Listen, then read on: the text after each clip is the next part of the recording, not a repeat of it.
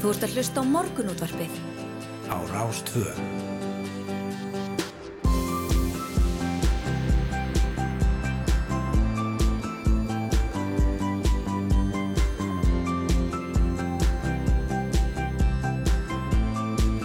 Morgunútvarpið Á Rástvö.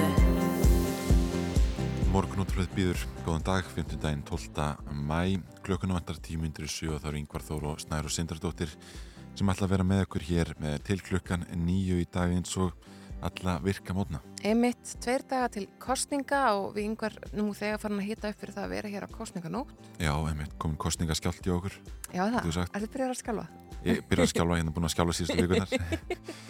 Hérna, en en búin, að vera- skemmtilega um fjöllun hér á rúf um kostningarnar. Algjörlega, ég heldur skjálfu bara því að það búið að vera svo mikið að gera hér. Þú ert búin að vera einn umsjónamanna uh, kostningalagapsins Einmitt, einmitt. sem hefur gengið príðilega. hefur gengið bríðarlega og, og hérna við höfum svona farið heyrtum helstu kostningamálin við um land en, en svona innblind svolítið á, á Reykjavík líka Já, einmitt.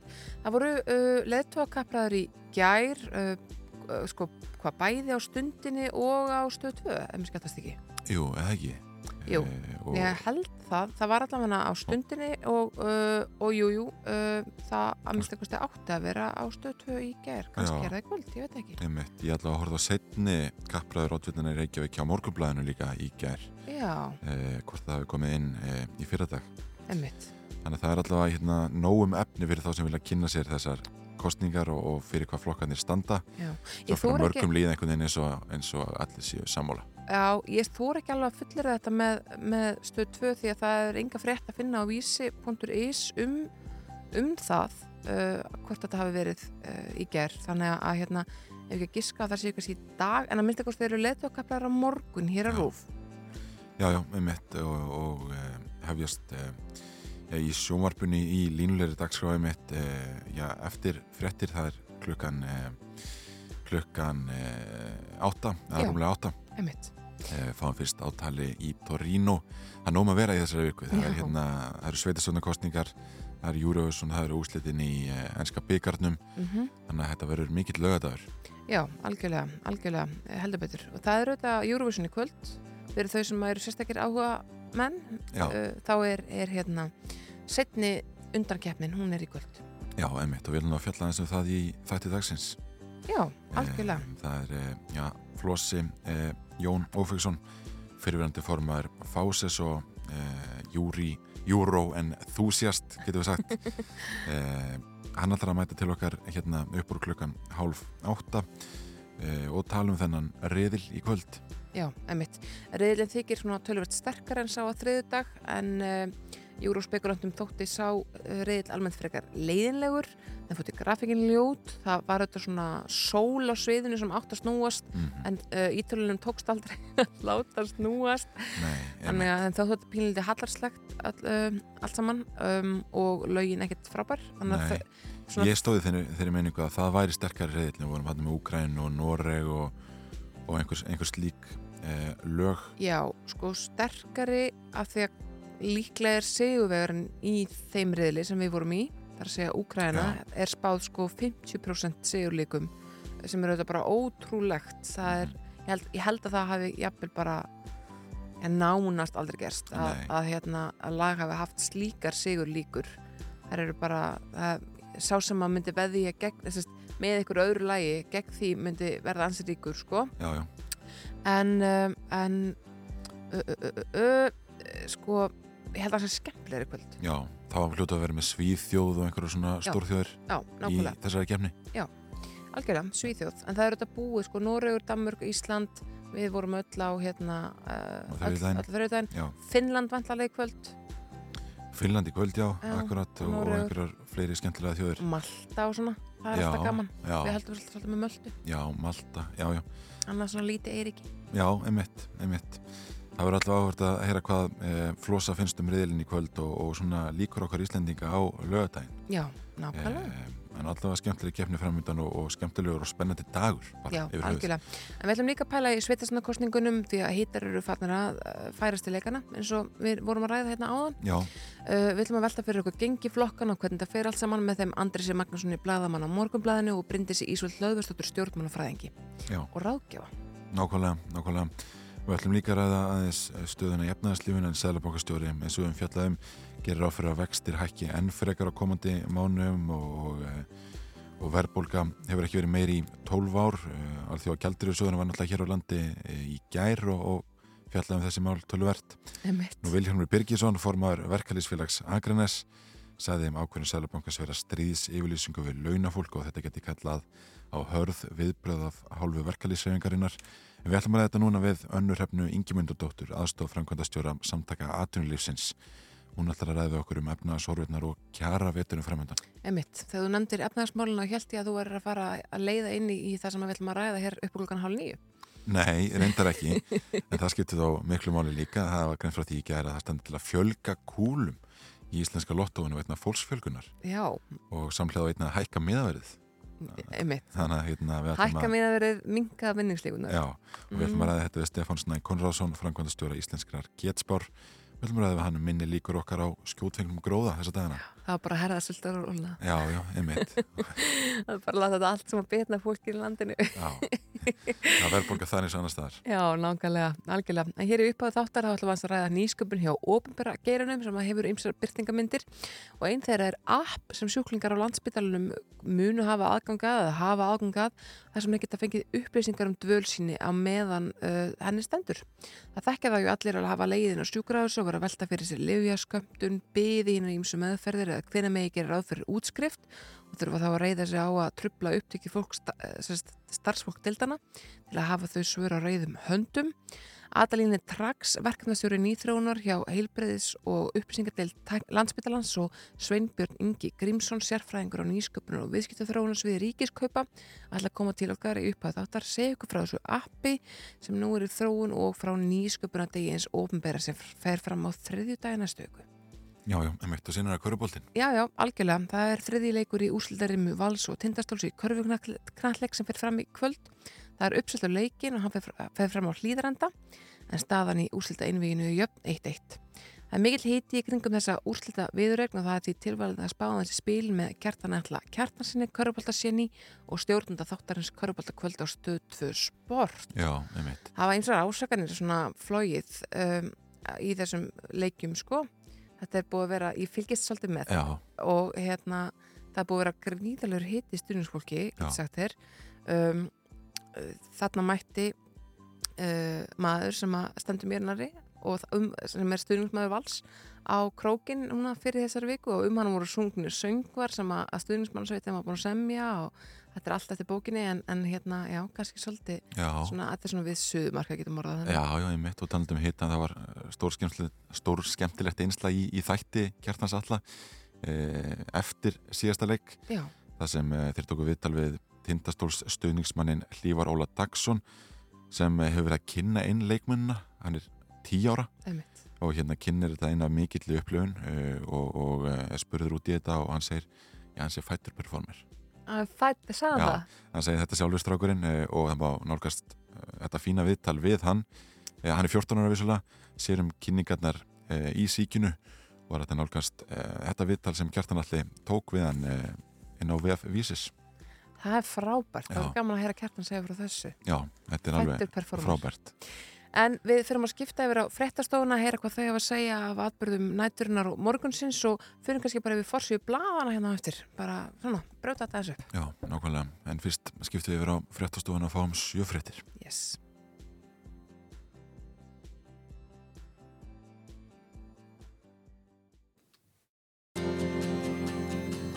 Þú ert að hlusta á morgunútvarpið. Á Rástvö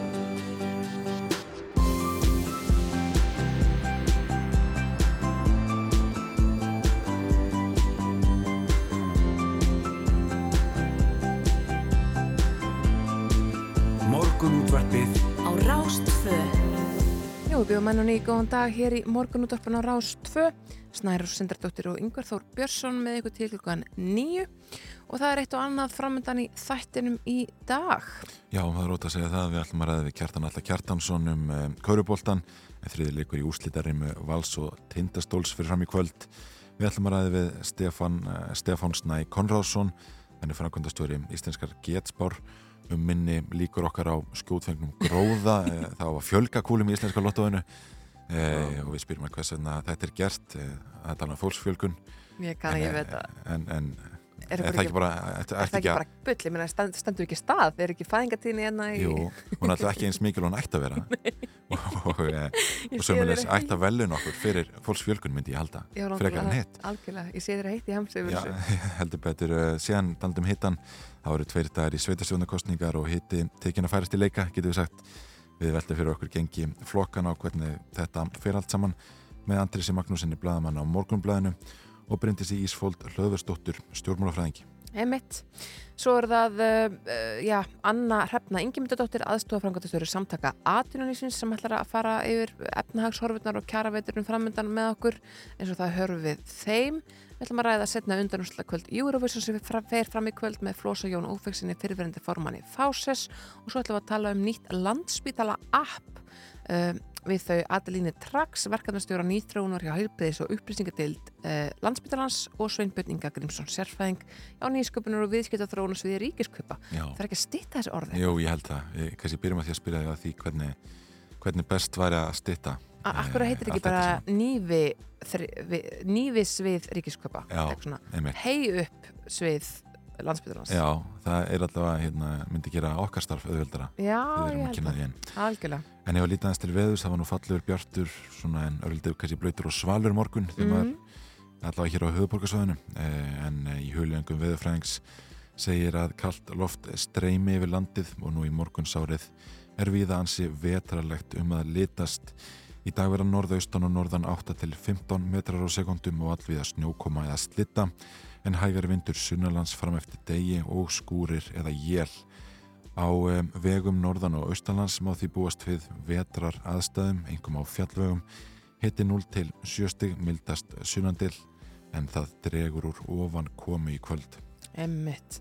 Sko, ég ætlaði að hérna mm, ég ætlaði að vera skemmtileg og segja að það var ekkert frétt af vegagerinn en það er bara því miður ekki þannig. Nei, Í, byrjum hér á höfuborgarsvæðinu þegar í dag, fymtudag og framöttu degi á morgun föstudag maður búist við miklum umferratöfum við gatnamöt miklubrautar og skeiðarvoks vegna vinnu við umferraljós og þar uh, með vegfærandur aðtuga að það verður slögt á ljósunum að þessum tíma. Uh, svo er krapið á Mólsaseiði og hálkublettur á Helliseiði og Sandskeið sem á nokkurum leiðum á Reykjanesi. Það er krapið á Vatnaleið og í Helgafellsveit á Vesturlandi, hálka á Bröttubrekku Svínadal og Fróðurheiði. Á vestfjörðum er snjóþekja og skafrenningur víða á fjallvegum og hálka eða snjóþekja víða í byggð. Á Norðurlandi er þæfingsfærði heiðinsfyrði en snjóþekja á Öksndalsheiði, hálkublettir er á Þverafjalli og á Vaskarði og Norðausturlandi krapi á Tjörnesin snjóþekja Fljótsheiði og Mývatsheiði en annars eru víða hálka og hálkublettir.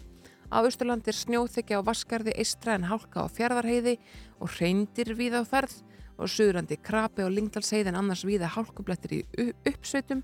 Þá hafa hólur myndast víða í vegum og því vekkfærandu beðnir um að sína aðgátt og að hálendunum er frost að fara og jörð og hálendisveir viðkvæmir og bera ekki umferð og síðast því kíkti þá er 12. mæ já, þetta er ótrúlegt þetta er eiginlega ótrúlegt. Eh, líta uh, örstuðt á forsýður bladana, snennus, Já, það er kannski rétt að fara yfir það allra helsta. Uh, hér á forsýðu morgunplassis er grein frá breytingum á síslumanns embættinu. Síslumanns embætti nýju mun öll saminast í nýtt embætti síslumanns sem uh, hafa mun yfir um svona með rekstirskristofana um land allt og já, þetta verður saminað í eitt sérst á landsbyðinni mm umdæmismörk þeirra verða afmáð en hið nýja embætti mun hafa aðsetur á landsbyðinni um, þeir sem uh, nú eru síslumenn munu þá nefnast síslumenn í héraði sem mun ágætis uh, starfstitill getur við sagt.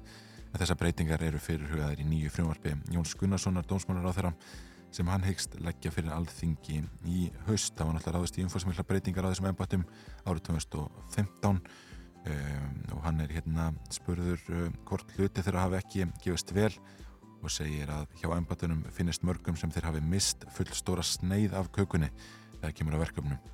Þannig að það er hérna er spurning hver áhrif þess að verða á um, almenna borgara.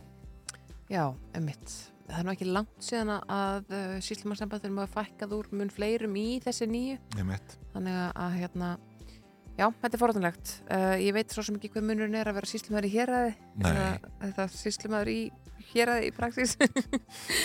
það kemur ljós. það kemur allt í ljós Ég er að fórsvíðu fréttablasins um, segir fórseti ASI Drífa Snædal hækkun stýrivaksta tillögu alþjóða gældirisjóðsins geta aukið verðbólgu. Þetta er svo sem í takt við það sem að uh, Ragnar Þór hjá Vaffer hefur að segja varandi hækkun stýrivaksta. Uh, hún segir við viljum að sjálfsögðu fara mjög hægt í sakirnar í vaksta hækkunum að þær hafa ríka tilningu til að auka á verðbólguna þar að auknum fjármagnskostnaði velt út í verðlægið, segir Drífa Snædal um þá tillögu sendinendar alþjóð og gældirisjóðsins að Sæðlabankin ráðust í enn frekari stýriversta hækkanir.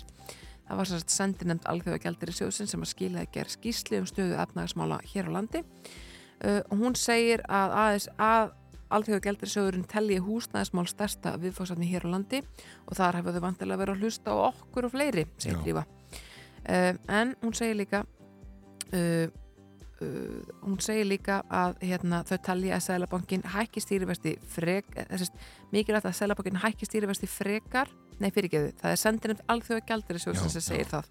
Að telja mikilvægt að Sælabankin hækki stýrivesti frekar og að ástæðan fyrir því sé að verðbólguvæntingar hafi verið töluvert herri en verðbólgumarkmið Sælabankans en þær hafi verið kringum 5% mati Ívu Petrófu yfirmanns sendinumdar AGS já, Það talaði við hana í markanum í fréttablaðinu dag. já, einmitt. Síðan kom bændablaðið út í Já. morgun nýjunda tölblað þessa árs og, það eru nú um, já, þó nokkrar stórfréttir í því hér á fórsveginni tala um grásleppu veðina uh, veiður á grásleppu hafa gengið þokkalega það sem hafa verið yfirstandandi vertíð. En alls fengu 134 bátar leiði til veiðana í þá 25 daga sem hverjum báta er útlutað og Verð Pálsson, framkvæmdastjóri landsambands smábáta einenda, segir að allmargir bátar hafi lokið veiðum og að nýjir sé að detta inn. Aflinn aflinn það sem af er hefur verið góður, segir hann en samt minni en á sama tíma á síðast ári og verð fyrir aflan hefur hækkað um fjórðung en er samt of lágt með við kostna við veiðarnar. Annað sem er áhugavert er að verð á grásleppu hrognum er lágt með við verð sem er að fást eh, fyrir annars konar hrogn sem er í hámarki um þessar mundir, segir hann hér á forsýðu bændablasins. Já. Síðan er líka fjallað um það hérna á síðu 2 að það stefni það að söðfjórstofnin á Íslandi verði sá minnsti í rúm 200 ár. Fjórstofnin á síðast ári var sá minnsti frá aldamótunum 1900 og ekki mikið starri en hann var árið 1800, segir hér. Söðfjö heldur þannig áfram að fækka í landinu eins og hvað fyrirleikjandi tölum matválaráðuneytisins taldist ásett fjöum síðust áramót vera 385.194 og hefur söðfjö ekki verið færra á Íslandi í 161 ár samkvæmt gögnum Hagstofu og Doktors Ólafs R. Dyrmundssonar Einmitt. eða síðan 1861 þegar talsverð fækkun varð vegna fjárklóða og stofnin fór þá niður í 327.000 við um, fjöldum öllust eitthvað, eitthvað meira um þessi mál Já, einmitt. En það er einmitt aðeins sagt hérna frá því að bústofn Íslendinga sé þrátt fyrir þetta 1.236.267 skeppnur sem er nú töluvert. Það er, það er hvað fjórfald við Íslendingar eða svo.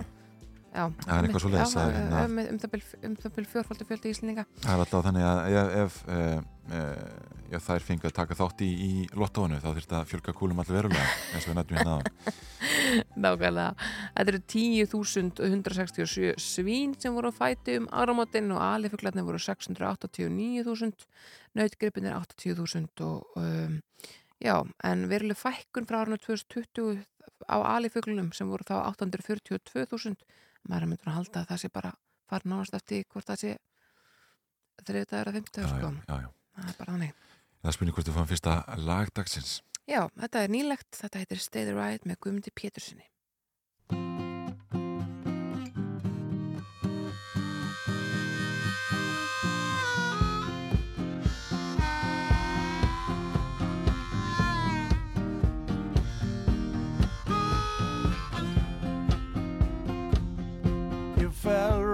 Back on your back, let it slide through the door.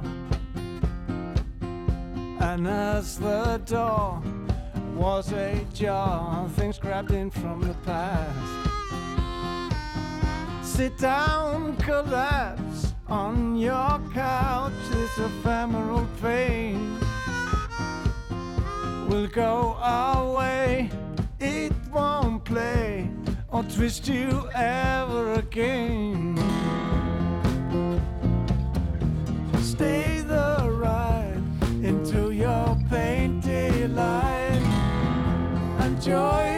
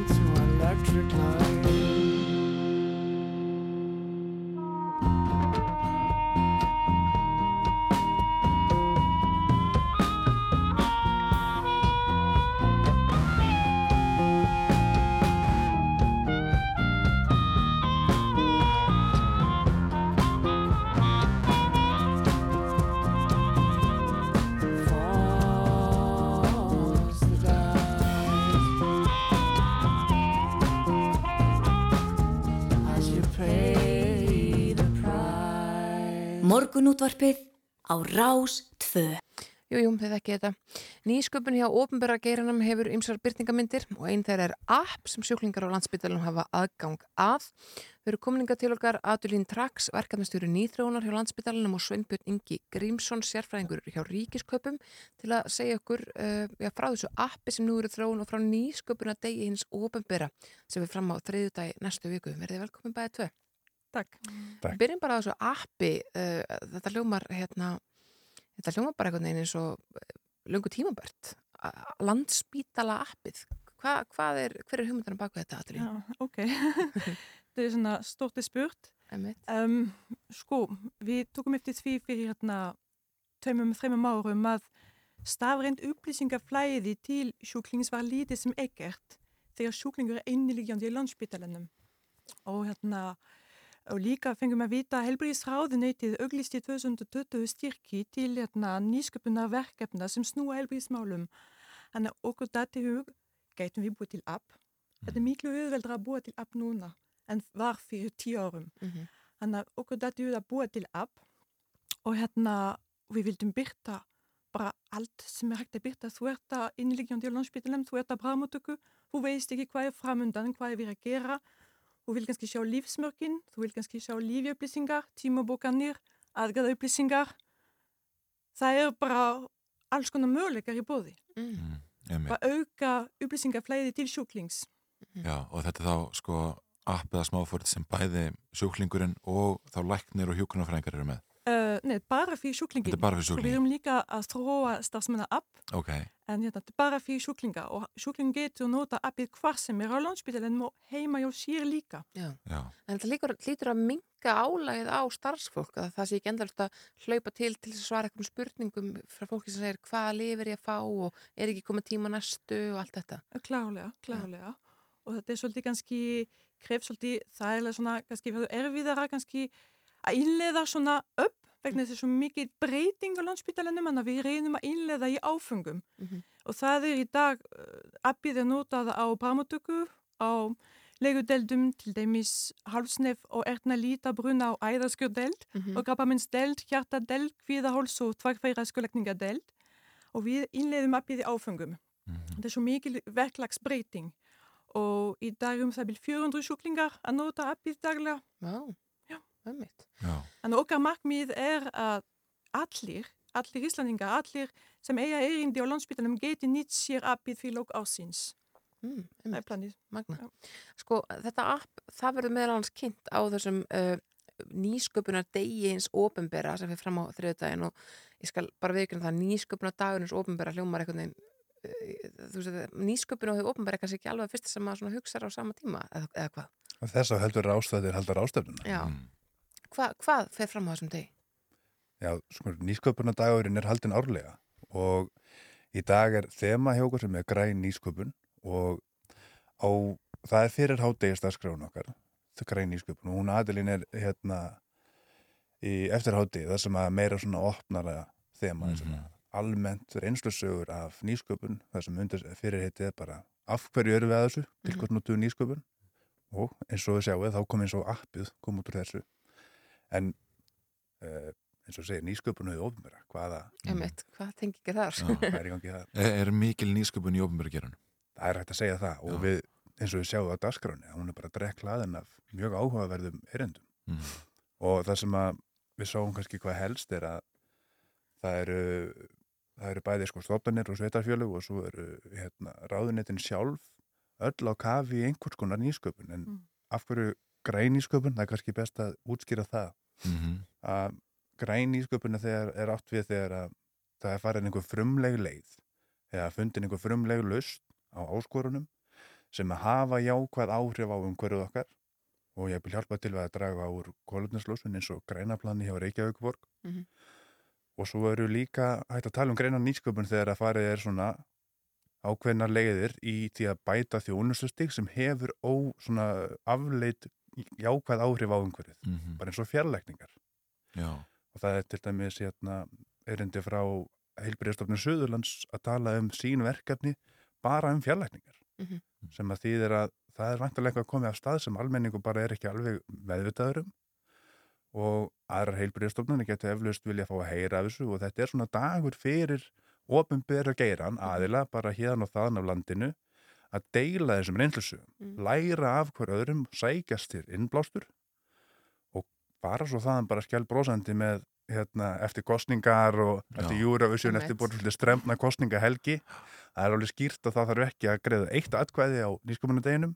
Það þarf bara að mæta með opin huga og svolítið svona, já, það er góðu matur. já, Já. það skiptir öllum þarf það. Já. Er morgumatur frá Já. íslenskum smáframleðendum og svo Já. verða matarbílar fyrir utan í hátteginu. Já. Þú þarft ekki að vera neinstaðar annar staðar en í grósku á Einmitt. þriðjudegi. Sko, Adelín, eh, hann nefnir hér uh, fjarlækningar. Er það eitthvað sem við getum séð í landsbytala-appinu eftir því sem framleiðast undir? Ja, klarlega, fjarlækningar. Það er svona fjarvöktun, myndi ég segja. Mm Sem sagt, ef sjúklingen gæti skráð til einmis psykosíkis gildi, alls konar gildi gegnum í appinu og landsbytali eða kannski í dag og gungudali geta vakta þá gildi Einmitt. og kalla inn sjúkling eftir því hvort það sé nöðsyngt ekki. Mm. Í stend fyrir að mæta reglulega á sex mánuða fresti í einhver svona eftirlit. Mm. Einmitt. Það getur verið mjög þægilegt. mjög, mjög þægilegt. Já, Mjög skiljivikt. Já, mjög skilvert. Frábært. Þetta er á þriðudaginn í grósku, morgumatur og matabílar. Já, og kíkið á ríkiskaup.is, það er meiri um dagskrána sjálfa Já. og líka lekkur til þess að skrá sig því að ef að eitthvað að þessu veikur áhuga þá er það bara ríkiskaup.is Já. skrá sig til leiks og sjáumst á já. Adelín Trax, verkefnastjórin í þróunar hjá landsbytalanum og Sveinbjörn Ingi Grímsson, sérfræðingur ríkiskaupa. Takk kærlega fyrir komuna í morgunúttarpið. Við ætlum að spá í spilin fyrir uh, Eurovision hér skamastund. uh, setni undanúslit í eh, kvöld og uh, fáir betri til að ræða við en Flósi Jón Ófegsson þið ræðum þau efni. Fyrst má tónlist Somebody Watching Me með Rockwell og Michael Jackson.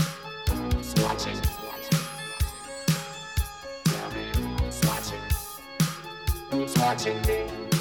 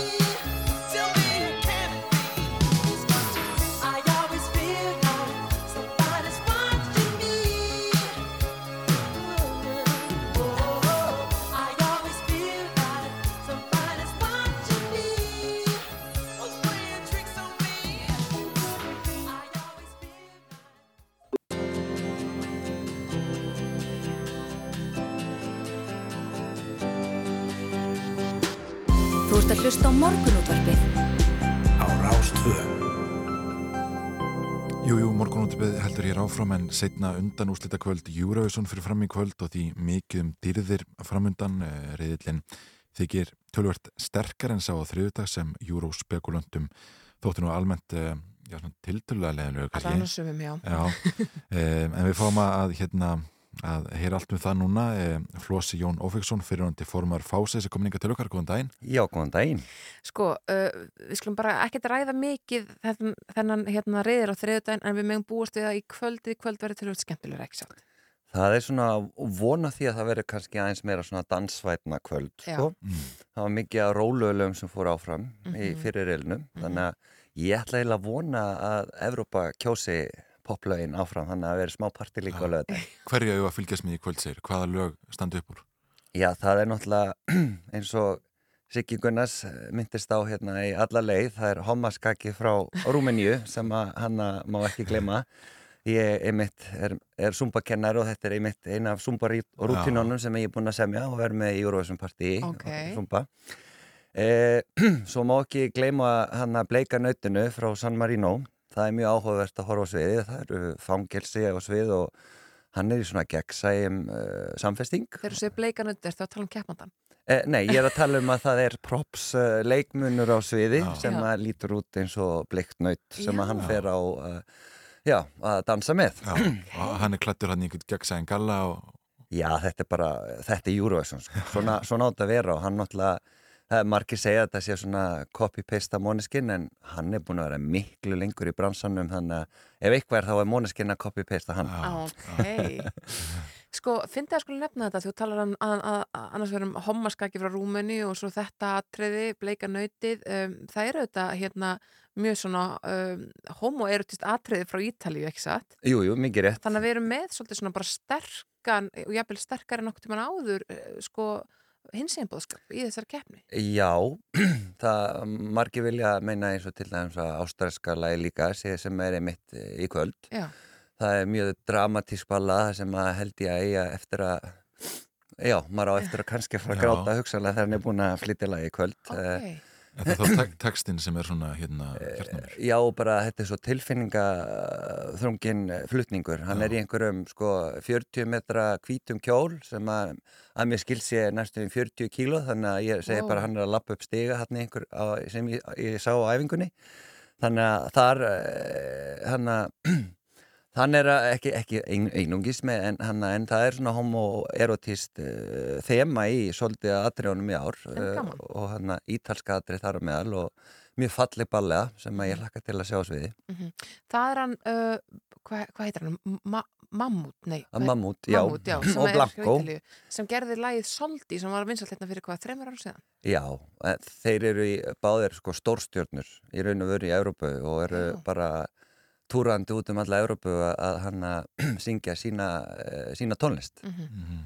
Þannig að þetta, það verður mjög spennandi að sjá svið og, og gaman að sjá hvernig, hvernig svona kemistri verður á mi- milli þeirra. Já, einmitt. En það er ekki kvöld af því Ítalía keppir ekki á, und- á úsl, undanúslum Já, það er þessi stóru fimm lönd sem að hann að gefa aðeins meiri peningin í keppnina sem fá hann að seðilin beint í úslitin. Einmitt. Þannig að, en við sjáum alltaf svona mínútu klippur hjá þessum atriðum semst á sitt hverju kvöldunum og svo er bara að, að, já, og ég get ekki beðið eftir að sjá þetta lögðan, sko. Einmitt, einmitt. Mér þótti sko að mjög áhugur dýnamíkin á milli kinnana á Já. og heldur alveg stáfram í kvöld sko Míka er hann mættur Mhm. eh, sem er náttúrulega sko alls ekki eh, frá því landi sem heldur keppnina Nei. hvað er hann að gera hann?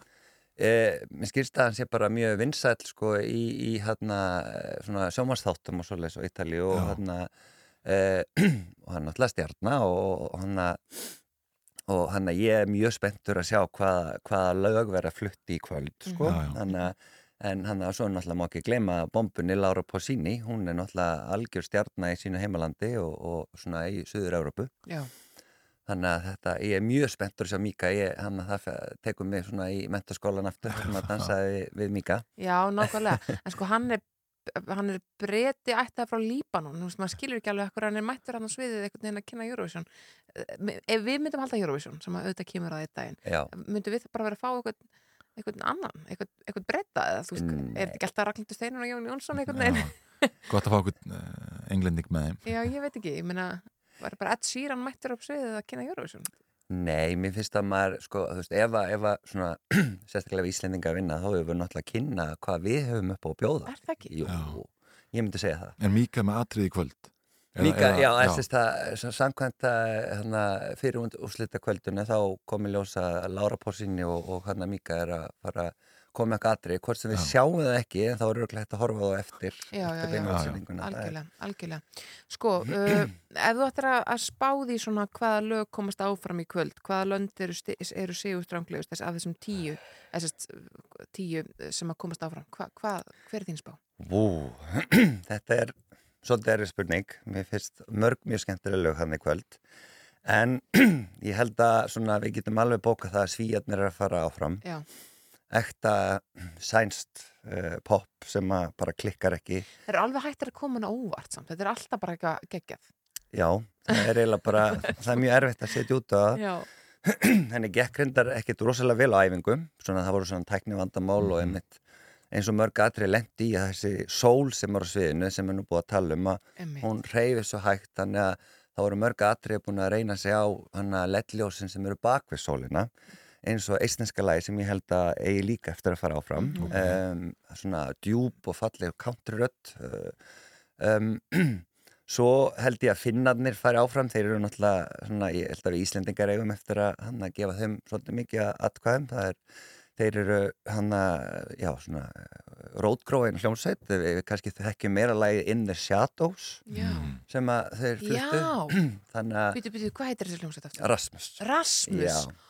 Ok, Já. ég vissi ekki að þeir voru að keppa Nei, þetta er nefnilega einmitt líka sem maður var að dansa við í mettskóla. Og eru þeir bara með svarta hárið og hliðatoppin og fjariðnar? Algjörlega, það hefur, Ok. okay. hann hefur ekkert breyst Já, þetta er hljómsveit sem var vinsælt svona um 2003, einhver Eitthvað svo svoleiðis, Já. algjörlega Eh, Bara 100% svona ímósveit Já, já, En það er líka eitt kannski atrið sem er með hann handþvottalagið frá Serbíu. Það, þeir eru með svolítið þessa, uh, hvað að segja, að uppskrift að góðu júruvarsalagi. Já. Það, það er á, á þeirra móðumáli sem að ég elska mikið. Mhm. Eh, það er dansrútina sem er mjög einföld með höndunum og hún er að þúa sér um hendunar í gegnum lagið. Er þið ekki ára og seitt með þetta lag? Uh, já, svona en hann og svo er svona ofta eitthvað svona ég myndi segja að þó að þú um, kunnir ekki tungumáli þá er eitthvað svona í læginu eins og þeir, þeir í íslenska læginu það er eitthvað sem að aðdándanir pikka upp Já. og það er hann að beat, beat, beat sem að hún segir hann og þið sjá þetta og um, flott ljós og sjó þannig að ég held að hún muni alveg öruglega að fara áfram Mhm. Tjekklandi síðast á svið, það er svolítið alltaf gott að vera síðast á svið sko uh, og samkvæmt æfingum og, og hann að ég fylgist mikið með hann að lifandi hann að skrifum fáses.is, gaman að fylgjast með því og þau sögðu mér að uh, að Tjekkland hefur verið mjög stærst á æfingu og þannig að ég held að það fari áfram. Já. Póland, það er hann að alveg bara eðal söngvari, syngur, hann klikkar ekki, engin feilnóta. Eh, hann er, hún er með spáðum velgengi í veðböngum mhm, eh, það ég sé smá úr æfingum og það, uh, það lítur rosalega vel út á sviði Mhm. semst í sjónvarpi um, og hann en svona mín, mín svona þakkmynda sæla í, í kvöld er eiginlega Írland, það er svona tekur mig svona aftur í tíman svolítið þegar Spice Girls var og, Ok. og uppi og svona og hann en, en hún syngur vel og svona þeir þekkja þeir sem þekkja RuPaul, ég segi svona hún er svona the XX eleganza Það er Ok, svona, ok, ok, Það- hún er í stuttum kjól og þau eru með dansara og, og hana, hún er bara, kemur eins og hún er sko. Það, ég fíla það, bara fara alla leið með svona konsepti sem, já, að- já, sem að maður fer út með sko. já. Algjörlega, Þú algjörlega. ert alveg að selja þenn- þennan undarlegir, sko. Já, já. Jú, 100%. Þetta verður- aðeins meira partí í kvöld, ég, ég lofa því Ok, svo lögadag þá er Úkrænumennum spáð sigri, 50% sigur líkur, það er meira höfum séð áður, er það ekki? uh, Sko, Duncan okkar frá Hollandi hann var alveg í lokin með 50% siglíkur, Ok. þannig að þetta hefur alveg komið fyrir áður Já. en já, hann er vi- vissulega er Úgræna mjög mikið til líklega, uh, líklega til Þannig, Ógræn hefur, hefur oft verið líka líklega, allavega verið með lag sem einhvern veginn allir fíla. Í- Já, já, Úkræna bara þeir, þeir eru með uppskriftina. Þeir bara, það er eitthvað flott á sviði Já. gott lag, góður söngvari þeir eru með þetta. Gekja, Flósi Jón Ófarsson, fyrirvendu formaður Fáses og almennur Euro Enthusiast takk aðeinslega fyrir komuna, við ætlum að heyra Stefáníu með Úkrænu sem að, að eh, já, hlustundur heyra aftur á lögadaginn í Eurovision Стефанія, мамо, мамо, Стефанія, розквітає поле, а вона сивіє. Заспівай мені, мамо, колискову, хочу ще почути твоє рідне слово. Вона мене колесала, дала мені ритм і напевне силу волі не забрати мене, бо дала вона напевне знала, може більше і від Соломона ломаними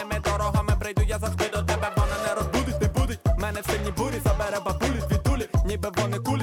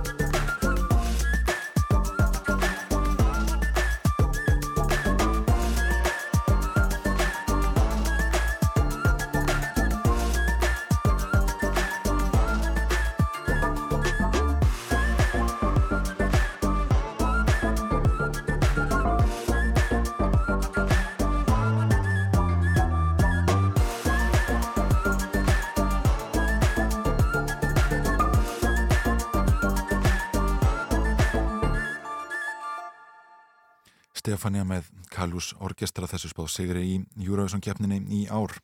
Ja, við ætlum að fara e, yfir í alltara sálma núna, e, við ætlum að ræða Já, efnaðismálinn, en Sælabankastjóri gerir áfyrir að vextir ekki enn frekar á komandi mánuðum og verðbólka hefur ekki verið meiri í 12 ár. Eh, Vilhelmur Birgisson formar verkalýsfélags Agnesað á dögunum að ákvörðun Sælabankans var í stríðs yfirlýsing við launafólk og, og þetta gæti ekki kalla á annað en hörð viðbröða hálfu verkalýsreiningarinnar.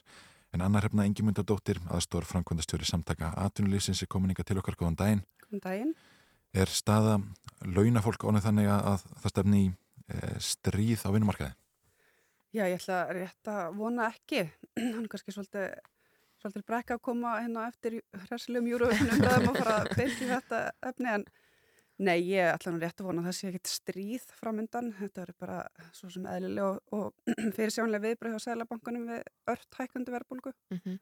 Verðbólguvæntingar að aukast, eh, verðhækkanir á mjög breyðum grunni, eh, horfurnar að vestna þannig að það er svo sem erfitt að sjá hvernig hann hefði að breyðast öðruvísi við. En sko það virðast vera algjörlega tveir skólar í gangi, annars vegar svona já, hefmyndur hagfræðingar sem segja að til þess að breyðast verðbólgu verða að hækka stýrivexti og alþjóða gældur sjóðurinn endur ómar það í, í áldi sínu í gær uh, og svo er það verkefælisefingin sem segir já, hækkun stýrivexti að hækka verðbólgu.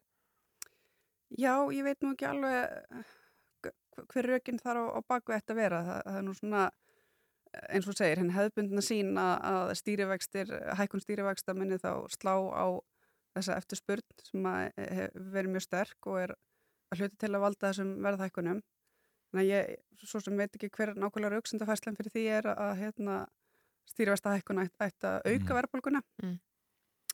En uh, við sjáum það líka bara að það, aðri sælabankar eru að, að gera það sama og sá íslenski, þó hann hafði nú kannski verið svona með þeim fyrri, að, að þá er þetta þróunin allstaðar í kringum okkur. Já, en hækku stýrifæsta hefur náttúrulega áhrif á þessar lánveitingar og, og neyslu almenning sem hver er ábyrð atvinnulífsins og, og fyrirtæki það kemur að verðbólgu? Jú, hún er auðvitað líka til staðar eins og sælabankastöri bendi á að það er svolítið hvað varðar þennan innlenda þrýsting þá er það undir atvinnulífinu, vinnumarkaðunum og hennu ofinbæra komið að halda aftur af þessum innlenda þrýstingi. Mhm. Við höfum þetta ekki stjórn á öllum þessum erlendu þáttum sem eru svona leggjast á sömu sveif núna um þessum myndir. En uh, atvinnulífið, uh, það þetta, ég held nú að flestir atvinnureigandur vilji reyna að tempra þessar verðhækkanir eins og þau geta. Það hefur ekkert fyrirtæki vill hækka verð, sko. Nei. Það gæti ákveðins miskilings um það oft að hérna, ef þú hækkar verð og þetta mingar eftir spurnið, þannig að uh, það er þá bara, ég held að náskri hafa það verið að beila til fyrirtækjum að reyna að halda aftur að verðhækkunum eins og mögulegt er. Mhm. uh, og svo er þetta vinnumarkaðurinn og kærasamgalöðsir í haust og uh, hérna, mikil ábyrð fólkin í því að, semja þá í takti við hennar nýja efnaðislega veruleika sem við búum við núna. Hva, hvað fælst þið því að semja í, í takti við hann? Já, það er nú ég vil tala um sko, svirum til launahækana felist í annars vegar sko, framleginu aukningu og svo verðbólgumarkmið. Það er að segja nafn launahækkanir geta ekki verið umfram framleginu aukninguna og verðbólgumarkmið án þess að valda þá auknum verðbólguþrýstingi Mhm, mhm. og það er það, það sem við erum að horfa til. að maður er að sjá eins og þessar stórar maturu keðjur uh, þar sem að verði er að hækka fólk finnur það þegar það fer í, í kjörbúðuna að verði Mhm. hefur hækkað það er að skila gríðalegum hagnaði ég meina Hagar skila fjögra miljardar krónu hagnaði, kemur hér fram í frétt 28. april síðastlinum um, krónan skila líka miklum hagnaði þetta eru hérna festi, móðufélag N1 krónunar, Elko og fleiri félaga byrti að uppgjör fjórða ársfrungs 2021 og ársrekningi og hagnaður ársins var yfirlega 6,5 miljardur króna. Það hlýtur að vera hægt að minga hennan hagnað til þess að, til þess að já, koma til móts við almenning í landinu, ekki satt? Já, það er nú kannski tvent í þessu. Eh, fyrsta lagi þá uh, þarf alltaf að setja þessar fjárhæðir í samhengi við eitthvað. Mhm. Það er vil tala um ávöxtun í prósentum og þá er það þessi miljardar í samhengi við það fér sem er bundi í þessum fyrirtækjum. En það er nú ekki þannig að eigendur hætti allt í hún að gera kröfu um, um arðsemi þó að sé verðbólka. Það Er, ekki það slaka þess á þeim kröfum að meðan verðbólkan er í, til staðar? Já, það þarf nú bara að spyrja hvernig eitt fjárfæsti að því en ég held nú að það sé ekki, ekki tilfellið að sko, verðbólka kemur auðvitað við alla og það sem að er að gerast núna er að hagkerfi eirunar leita nýs jafnvægis.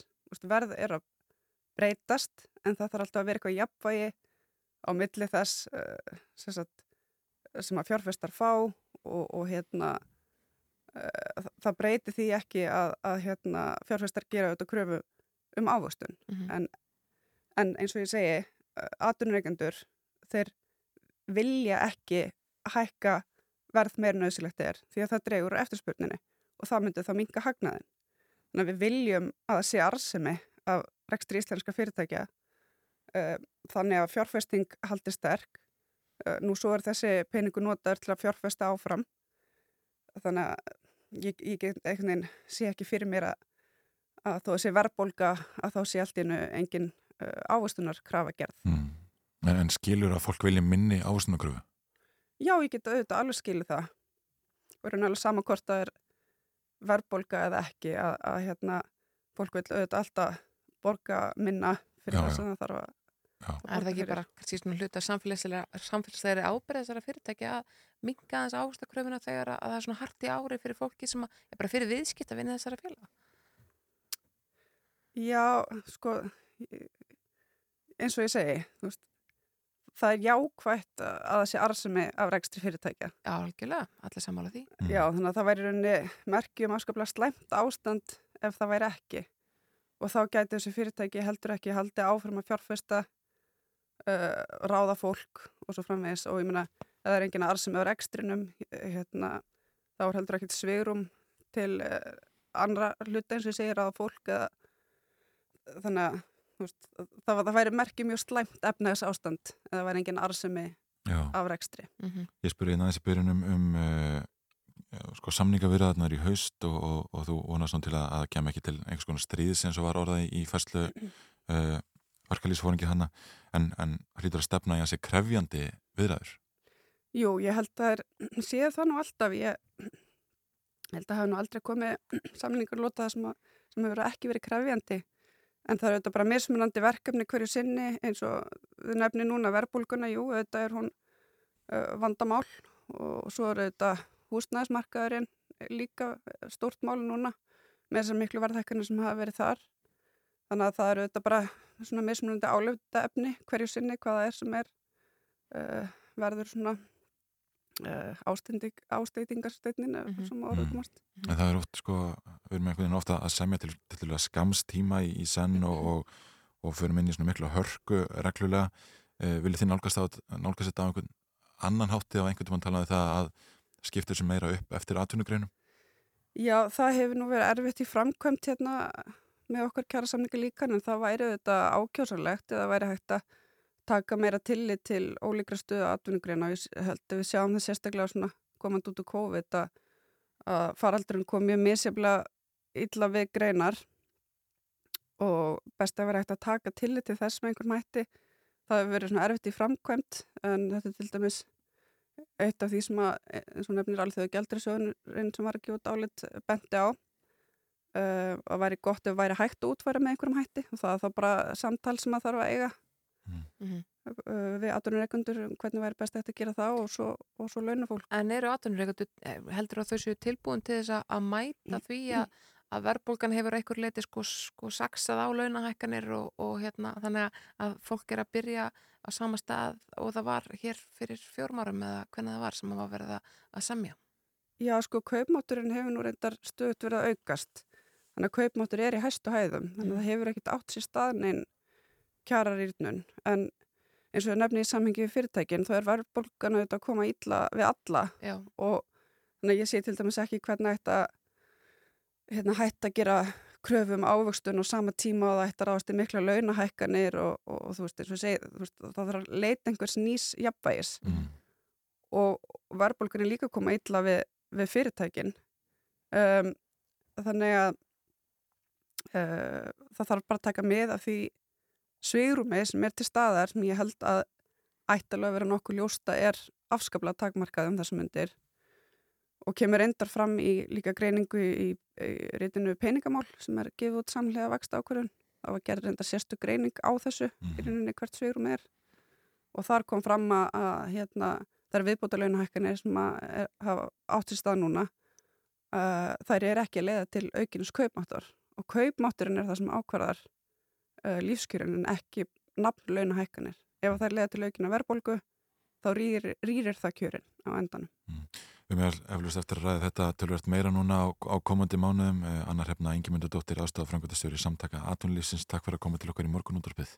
Takk fyrir bóðið. Og hér eftir áttafréttir þá ætlum við að fara aðeins yfir sveitisvöndakostningarnar sem að fara fram á laugadag. Já. ætlum að velta fyrir okkur gengi flokkana með Andrisa Magnúsinni Bladamann á morgunblæðinu og Bryndisi Ísvold Hlöðurstóttur stjórnmálafræðingi. Já, mjög áhugaverða niðurstöður skoðanakannuna sem hafa verið að byrtast núna í vikunni e, og áhugavert að ræða um stöðu flokkana við e, þau. Já. Og ætla síðan að fara aðeins yfir e, e, lottóið, það var fjölka kúlum. Já, en mitt á að minga líkur okkar hér í morgunúttorpunum á skjótfengnum gróða. Við erum auðvitað ekki sáttið það. Þú ætlum að tala við Stefán Snæ Konrarsson, frangöndastjóra íslenskar getsbrár, en fyrst ætlum við að heyra í fréttastofunni.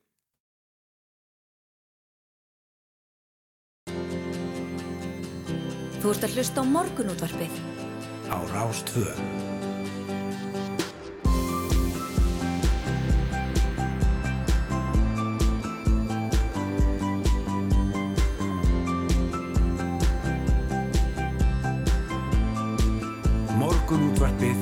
Rástvö.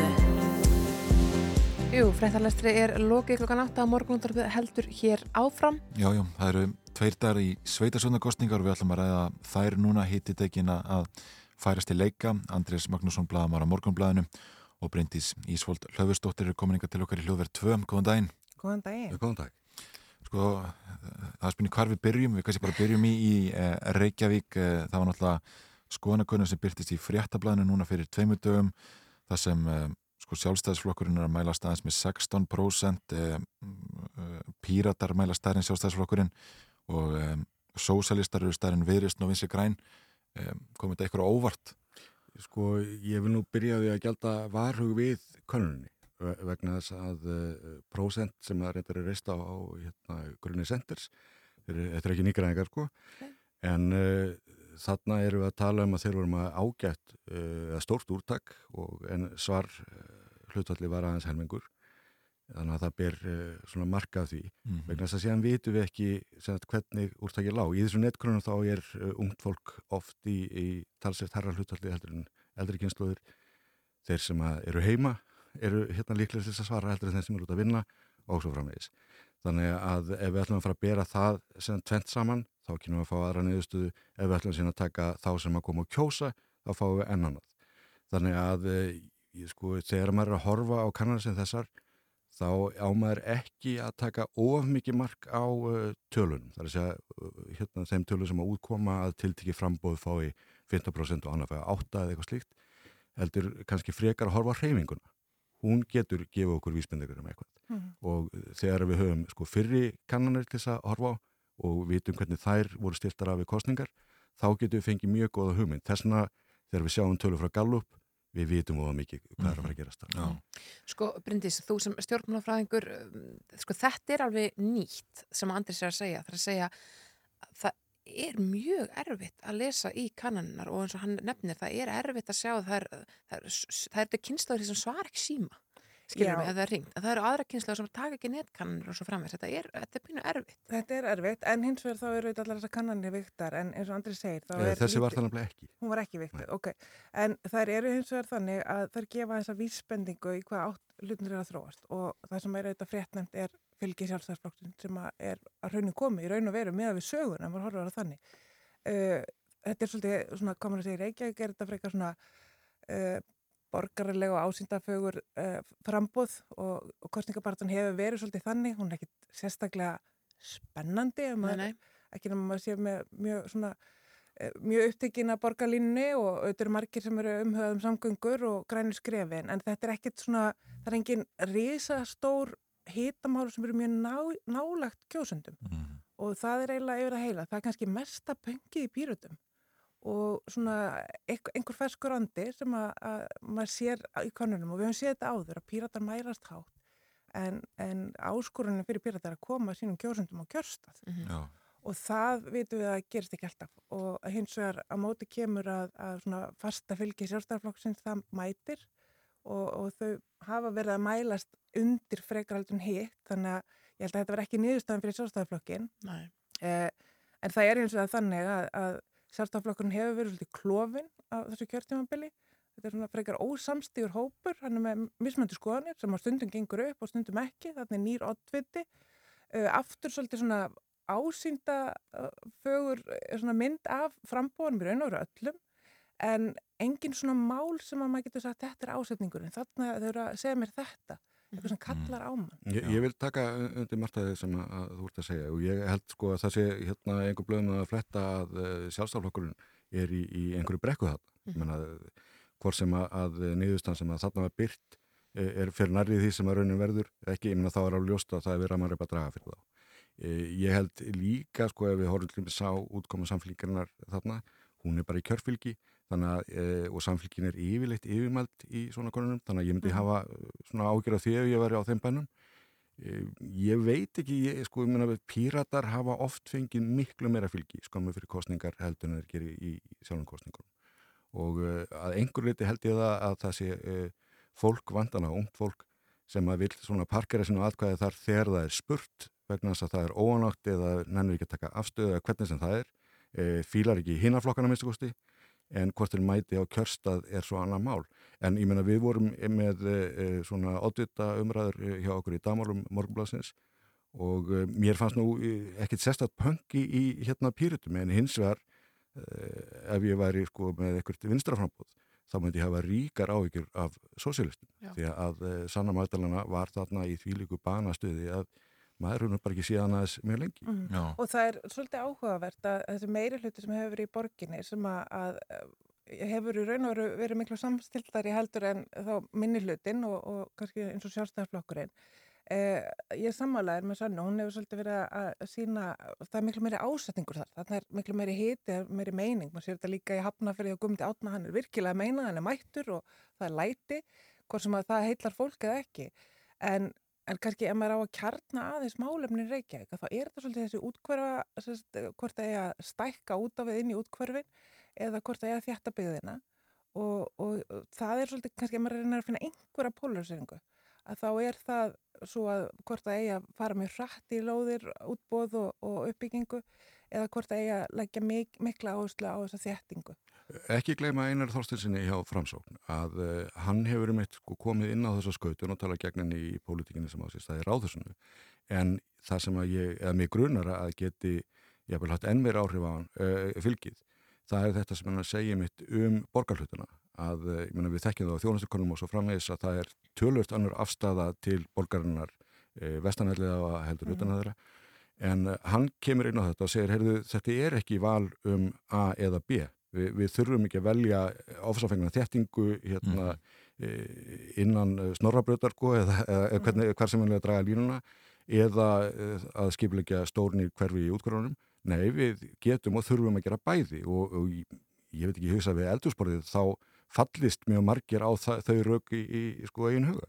Já og það sem að er kannski svona, hefur verið að kristallast líka í þessu er þessi hraði og hversu mikið á að fara inn í útkvöruna því það eru líka sko, grænuskrefin og, og það eru þetta, ef fólk er að velja núna þá veit á svolítið hvað þessi meiri hluti hefur fram að færa. Já, já. Eh, Dagur hefur leitt borgina í talsvæðan tíma og búin að vera lengi í borgina, fólk veit hvað það fær þar. Eh, Það er Eða fær ekki. eða fær ekki ef að svo en, en svo er svolítið skemmtilegt að sjá sko framsókn koma hann inn en það eru þetta kannski það er reynslu minna fólk en maður er ekki alveg vissum í hvað er í þeim pakka og það er erfiðar að kannski að setja fingurinn á það.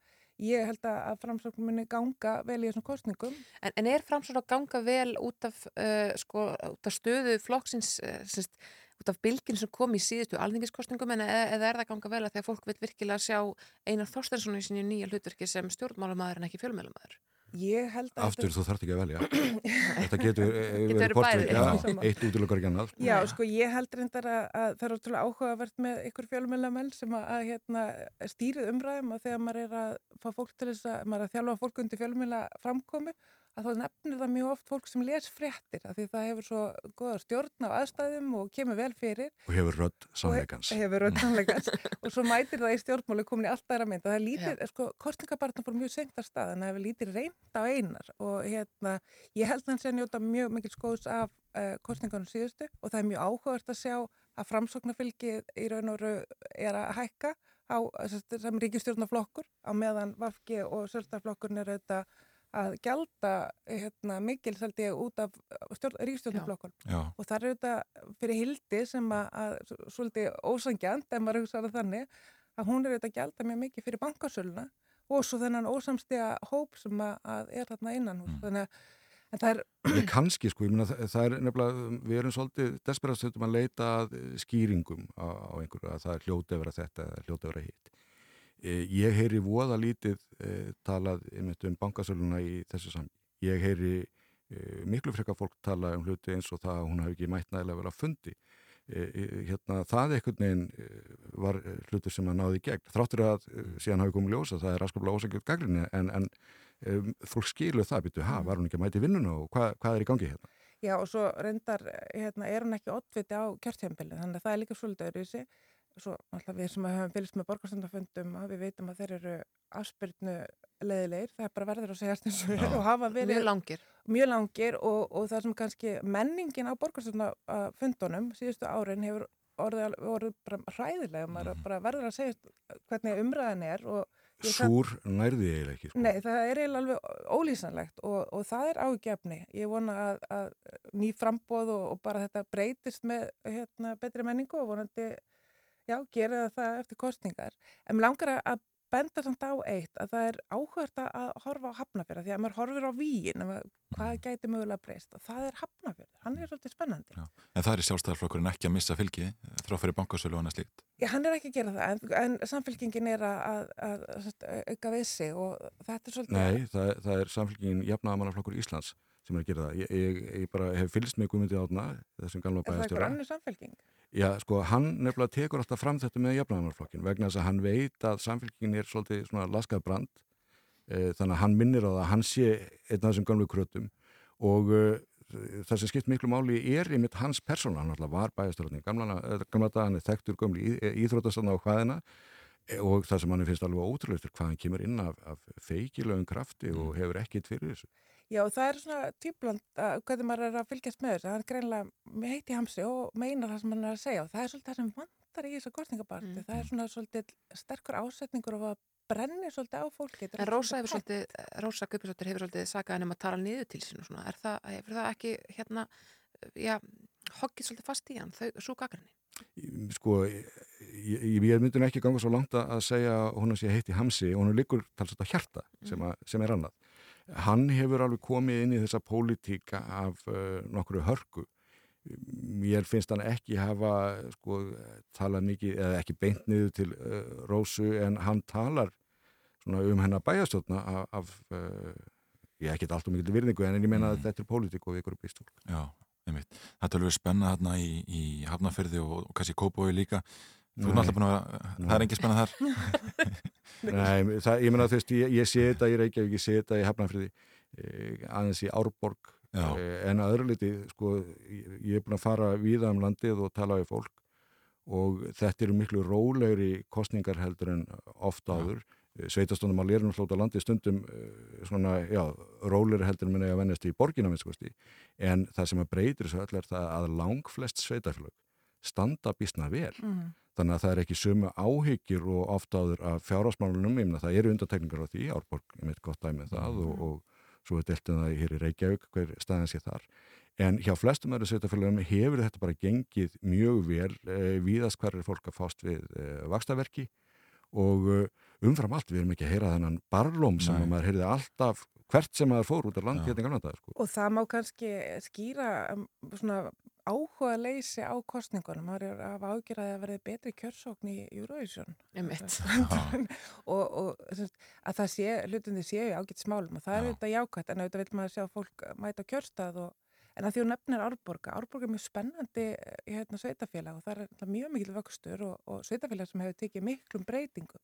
Þannig ég held að verði mjög spennandi að fylgjast með því bara þróunni og hvort að við séum að horfa fram á mikla Já. stækkun þar og fólk sem að kýsa að búa þar og vinna í bænum eða allir þessi fjárvinna sem er núna í bóði. Það er svo margt að breytast og þar er sko ótrúlega spennandi miðbær á selfhósi, þetta er bara svo... þar er einhvern veginn svona gerjun í gangi að maður ætlar að horfa á. Jú, jú, og maður heyri það sveitastofnamenn að þeir viðanland, þeir eru að fylgjast svolítið hverju með öðrum og hvernig gangi og, og af því að menn hafa lendi í ákveðinu svona fjárásvandamálum eða það er vandamál gagart engstökum byggðum innan stóra sveitafélag, þá eru menna að sjálfbyttu, menn eru að reyna einhverja nýja lausni þarna virka þeir. Hérna menn prófa að vinna saman yfir gangin að fjárásvandamálum þarna virkar það. Mhm. E, nýji miðbærin e, á Selfossi, er það eitthvað sem við getum gert? Getum við dreigið til okkur einhverja hugsunamenn með slíkt? Tilrunum með það að vera með heimastjórnir í múlaþingi, það er eitthvað sem við fylgjast með að miklum áhuga og svo Mhm. framvegis. og það er eh, hérna svolítið skemmtilegt líka bara við svona svissa aðeins að ef maður horfir á svo sveitarstjórnarkortingar og, og einstaklingar sem stíga fram að því oft er þetta, fólk byrjar oft í sveitarstjórnum og fer svo á þing og vera leitur og hérna og það er aftur svolítið maður er náttúrulega með þetta eh, með fólk á Instagram og er að fylgjast með svona eh, sögum á Instagram og fleiri stöðum að það er dæmis líka svolítið flatneskja og hérna og lítið af svona hvað maður að segja, svona rísandi stjörnum veit ekki sammála, Andris, að það er svona maður, það, er, það er enginn sem svona stingur Jú, sko, að einhverju leiti, maður sér reyndar öðru hverju svona ein- ein- einhverja sérstakar talenta sem eru öruglega á leiðin eitthvert. Hérna, og þeir eru ekki allir í frambóði, ég meina, ég bendi ekki bara bæðisturinn á stíki, svona, ég hugsa hann eða á lengra. Mm. Hérna, þeirra fram í sækir og meina, það er hægt að finna menn hér og þar. En vandin er sá að þetta er orðin svo mikil vinna að það er mikið af fólki sem byrjar þarna einmitt af miklum du- dugnaði og, og þóri en uh, það gerst kannski upp eftir eitt kjörtambil, eitt og hálft bara, þetta er of mikið álag og, og hérna, þetta er að koma nýra á vinnu og því öllu, þannig að uh, það er að veitast í erfitt, þannig að það er oft gríðarlega mikil nýliðun, Mhm. stundum ofmikil og, og það er eitthvað sem er sko verðt að hafa ágjör af og, og verðt að fyrir sér hvernig við getum unnið í gegn. Já, ég tók, eða kíkti á meðal aldur sveitisvöldnumanna, en hann hefur eiginlega haldist svo saman, svona eitthvað um 40 ár. Mm. Og það er pínu áhugavert að, að sko, ég satt nú inni einu sinni, í, hérna þeim var að borga fulltrúi. Bíddu nú, ok, ég held að það var- játu hvað það ég satt inni. Ég satt inni, þeim var að borga fulltrúi í nokkur ár fyrir löngu síðan, reyndar, og var mjög ung þegar ég byrjaði í þessu bransi og, og þetta er ótrúlega skemmtilegt og lærdómsríkt og er miklu sko meira gefandi stjórnmálastarf heldur en að sitja inn á þingi og vera eilíft að maður er miklu nær fólki. Já, en mér er sagt að vinnan hafi breyst vegna sem hún sé orðið miklu, miklu meiri. Það er sem meiri skrifinsku á þján, fundin eru lengri, það eru fleiri bóks en það er að fylla út í og það eh, dregur svolítið svona Ég máttur fólki. ætlaði að fara að hvetja fólki fram til. Ég, ég, Já, já. Þá er það er skriffinsku sko. áþjónin.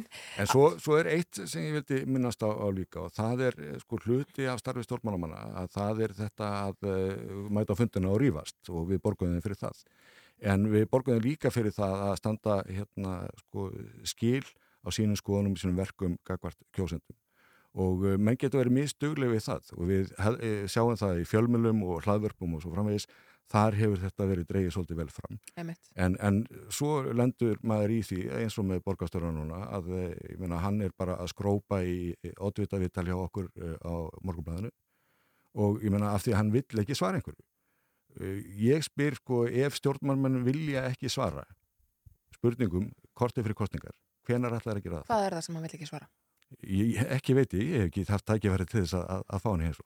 Nei, nei, nei einmitt, en, en hann var í, í leitóðumræðum hjá ykkur sem, Jú, jú. sem byrtist á, á vefikar núna í fyrirdag. Vissulega. Já, einmitt. Einmitt. Andris Magnússon, blaðamæður Morgunblæðin og Bryndis Ísvöld Hlöðversdóttir. Takk kærlega fyrir komuna í morgunútarpið.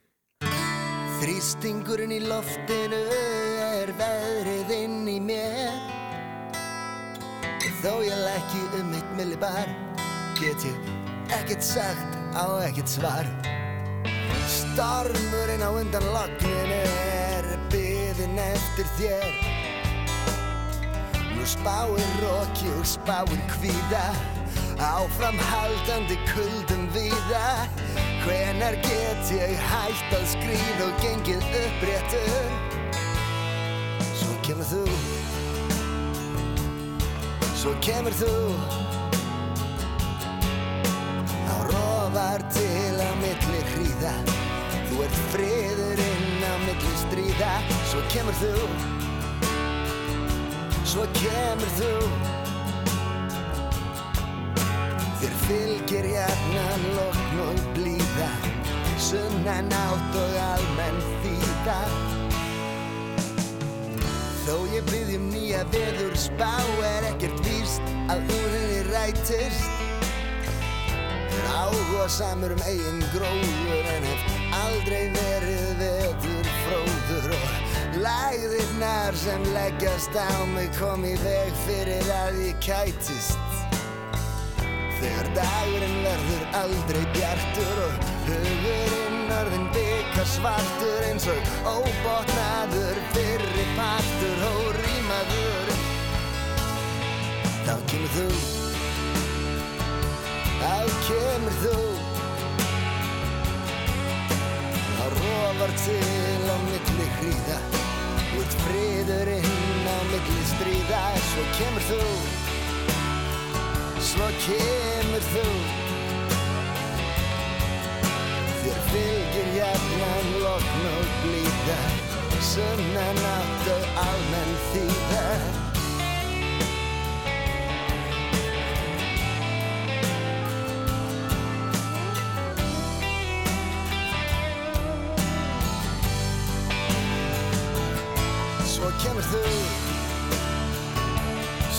kemur þú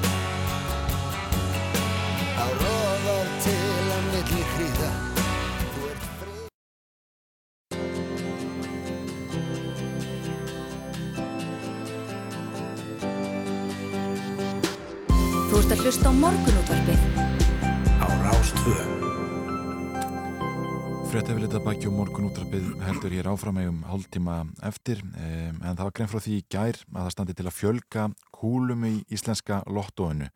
Og um, þannig minguðu líkur okkar á, á skjótfengnum gróða Snærós. Eh, já. um, en Stefan Snær Konrósson framkvæmdastjóri íslenskar getsbárur komin ykkar til okkar.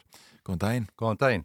Hvers vegna eru það að fjölga kúlunum, segir Já, nú þannig að Íslands Getspá er 35 ára gammalt fyrirtæki var stopnað 1987 og, og á svona 10-15 ára fresti þá breytum við e, leikjaformúlunni eða matrixunni í samræðum við íbúafjölda. Og e, við gerðum þetta síðast 2008 þá fórum við úr 5 tölur af 38 í 5 tölur af 40 sem þú dregur út. Þá voru Íslandinga 315.000 og síðan núna erum við 370.000 árið 2022 þannig að það er komið tími samkvæmt okkar sérfræðingum að bæta tveimur tölum inn í, í púluna. Já, þetta er ekki verðbólga í lottóinu. Þetta, ei, þetta er alls ekki verðbólga og þetta er bara, sérst, reynum við annars vegar að hugsa um það að, að leikunni sé spennandi og vinningarnir hækki og með þessari breytingu sem við gerum núna sem er kannski ekki mikil breyting þá bætum við einu vinningsflokki, þrýr réttir og, og bónustala en við erum líka að tryggja það að okkar eigendur Íþrótta og Olimpíusamband Íslands og Örkjabandali Íslands og Ungmennafélag Íslands að við erum að steyðja við þeirra, þeirra tekjur ramma til kannski 10-15 ára. Við gerum þetta mjög sjaldan að gera þessar breytingar eins og áður saði og þess vegna er vikilvægt að breyta þessu mjög hægt. Mm.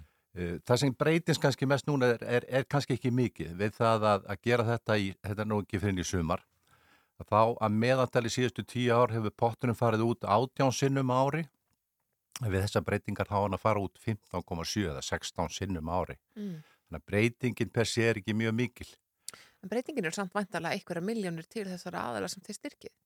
Ég vonandi til lengri tíma litið, kannski næstu 10-15 ára. Á síðast árið þá greitum við okkar eigandum 2,4 miljardar í hagnað og þetta er nú sambönd sem eru stærstu félagarsamtök á Íslandi. Já. Þannig að þú ert ekki bara að spila lotto út af, af uh, möguleika að fá vinning og, og einhverja gleði í kringu það. Þú ert líka styrkja félög sem eru samfélagslega sterk og mikilvæg á Íslandi. Að talaði fyrir sjálfa, ég, styr, ég köpi bara láta til þess að fá vinning fyrir mig. sko, Já, þetta er að tvær hliðar á sama penningum. Annars vegar að vera í leik þar sem áttu vona á vinningi og við erum að greiða í hverja einustu viku 15 til 25 þúsund vinninga eh, hjá okkur Mhm. og á, hins, hinbóin er þetta líka mjög mikilvægt að, að styðja við þessu stóru félagslegu samtök. Já, já. Þau eru öll undir, undir fjármögnu, það vitum við og skipta miklu máli í okkar samfélagi Já. og þess vegna þurfum við að passa upp á það að tekjurrammin þeirra til lengri tíma litið, hann sé stöður. Já. Hvern, hvernig veltan hjá okkur á, á ásgrundvelli og hefur hann verið að aukast eða, eða draga saman núna á, á síðust árum? Nei, veltan hefur bara verið nokkuð stöðug Já. og hluta því er, er bara öflugt markastarf og fólkið í landinu sem stiðu vel við fyrirtækið, alveg, það, það, það, það þarf að þakka það alveg sérstaklega. Mhm. e, Íslensk getspá er að velta 7 miljardum á ári og eins og ég sagði 2,5 ja, tæpir 2,5 miljardar til eigand okkar. Mhm. Þannig að svona breytingar eru, gerum við sjál, sjaldan en það skipta miklu máli. Við vorum líka hækka verði, eða munum hækka verði í sumar úr 130 krónur á rauðina í 150 um 20 kall og það gerðum við síðast 2013 þannig að það er liðið nýju ár þannig að það er nú ekki hægt að segja að við séum Nei. að flýta okkur í einhverju eh, verðhækkunum. En þannig að það er bæði dýrara að spila lóttan núna og minni líkur á að vinna.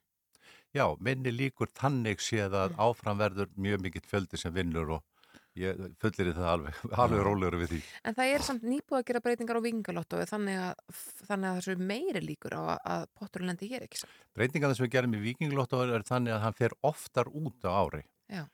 og uh, þa það er bara mjög skynsalegt og það er alltaf verið með uh, prófessor og tölfræðinga og starfræðinga sem hjálpa okkur að rekna þetta út. Við þurfum að passa upp á það að vinningandi fari reglulega út. Uh, Lotto myndi aldrei nærast ef að vinningandi fari ekki út. Nei. Það er ekki okkar hagur að, að sapna upp stórum pottum lengri en öðru kvoru er það mjög mikilvægt til í leikin eins og við segjum til að, til að næri sig. Já. Þá er spennandi að vera með og gleði að vera með og síðan róast þetta á, á milli þannig að okkar hagur og okkar neytandans er, er mjög svipaður. Já. Sko, stóra ráðgatan í varandi í Íslenska getspá, það eru fréttnar sem koma reglulega þegar að, að stóra vinningurinn fer út og það kemur eitthvað svona saga. Einstað móðir hjúkunafræðingur í bökkunum vann stóra vinningin. Mhm. Eru þessar sögur sannar Já. er, er þetta að því að, að því að auðvitað segir fólk ekki frá því að það vinnur stóra vinningin á samfélagsmiðlum eða eitthvað er, þetta er alltaf eitthvað svona þetta er alltaf, virðist alltaf vera fólki sem þarf mest á því að halda nema það komi, kemur eitthvað svona roskin hjón sem ætla að láta peningana til afkomandi Þetta er, þetta er hérna góð tólku hjá þér. Jú, staðrindin er svo að þetta er rétta sögur og Ok. þetta skiptir miklu máli líka að, að koma þeim á framfari. Þess að það líka hjálpar okkur í okkar starfi. Ég er í luxustarfi. Það er ofbóðslega gaman að veita fólki þá ánægja að fá stóra og mikla vinninga. Mhm. Ég er bara, trúi mér, það er alveg einstakt að, að gleðin og alla sögurnar sem við fáum að heyra Mhm. og við reynum að, að, að, útvarpa þessu út, þessum sögum og uh, til að láta vita hvað, í hvað vinningarnir Já, fara. En hve- hvernig er það þegar einhver vinnur tekur þú símtalið og, og lætur viðkomandi vita? Já, það er misjamt Já. og nú er dórið þannig, þetta er svo rafrænt í dag að 70% af allir okkar sölu er í appinu eða netinu eða í tölvunu heimahöður þannig að þú og þú borgar allt í, með greiðslukorti þar þannig að vinningarnir sem áður voru semst ósóttu vinningar og hlóðust upp að því fólki glemd að fara að Einmitt. skoða miðana sína það er, það er bara búið í dag Já. við finnum yfirlt alltaf vinningsafan Já, og það skiptir miklu máli Einmitt, en þegar, þegar þú ringir símtalið þegar að það gerist að, já. já, stóri vinningurinn þú, þú ringir í fólki sem var að fá eh, einhverja miljónir eh, svo, hve- hvernig viðmóti, hvernig bregst fólk við? Það er bara mjög oft, ert að ljúa mér, hver Já. er þetta? en uh, og það er oft þannig og það þarf, fólk þarf kannski að átta sig á þessu og í dag er þetta náttúrulega í þessum bransa snýst mikið um það að vera með ýmsar svona, við erum með margar forvarnir í kringum þetta. Uh, við leggjum til að allir sem fái yfir 5 miljónir þeir fari ráðgjöf hjá endurskoðandum eitthvað BDO Já. þar sem menn fá ráðgjöf um það hvernig átt að fara með vinninginu segjum þá að þú vinnir 50 miljónir hvað ætlar að gera, ætlar að borga niður skuldir? Ætlar að, í hvað ætlar að nota peningar á maður ekki að byrja þar, borgarlega skuldir. Það er bara mjög eðlilegt. Já. talandi um það í okkar árferði og Mhm. það er mjög mikilvægt bara að skulda sem minnst. Einmitt. þess vegna er, er við með þessa ráðgjafa sem hjálpa fólki til að átta sig á þessu og við nú lendið því og lendið þýllum sér fyrra það var ungum aður sem vann 1,4 miljardar í Vikinglotto og annar ungum aður sem vann 460 miljónir í Vikinglotto og þetta er náttúrulega, þetta breytir náttúrulega öllu Já. og það þarf að fara valega líka þarna. þetta er ekki bara og veistu hvort þeir fóru varlega?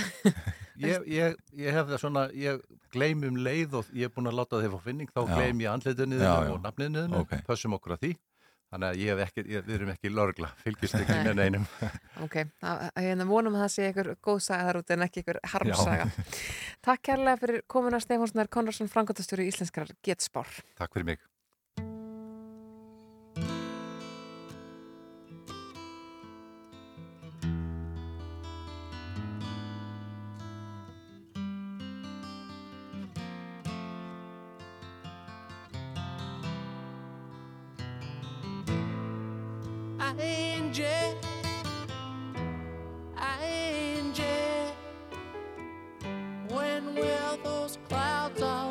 all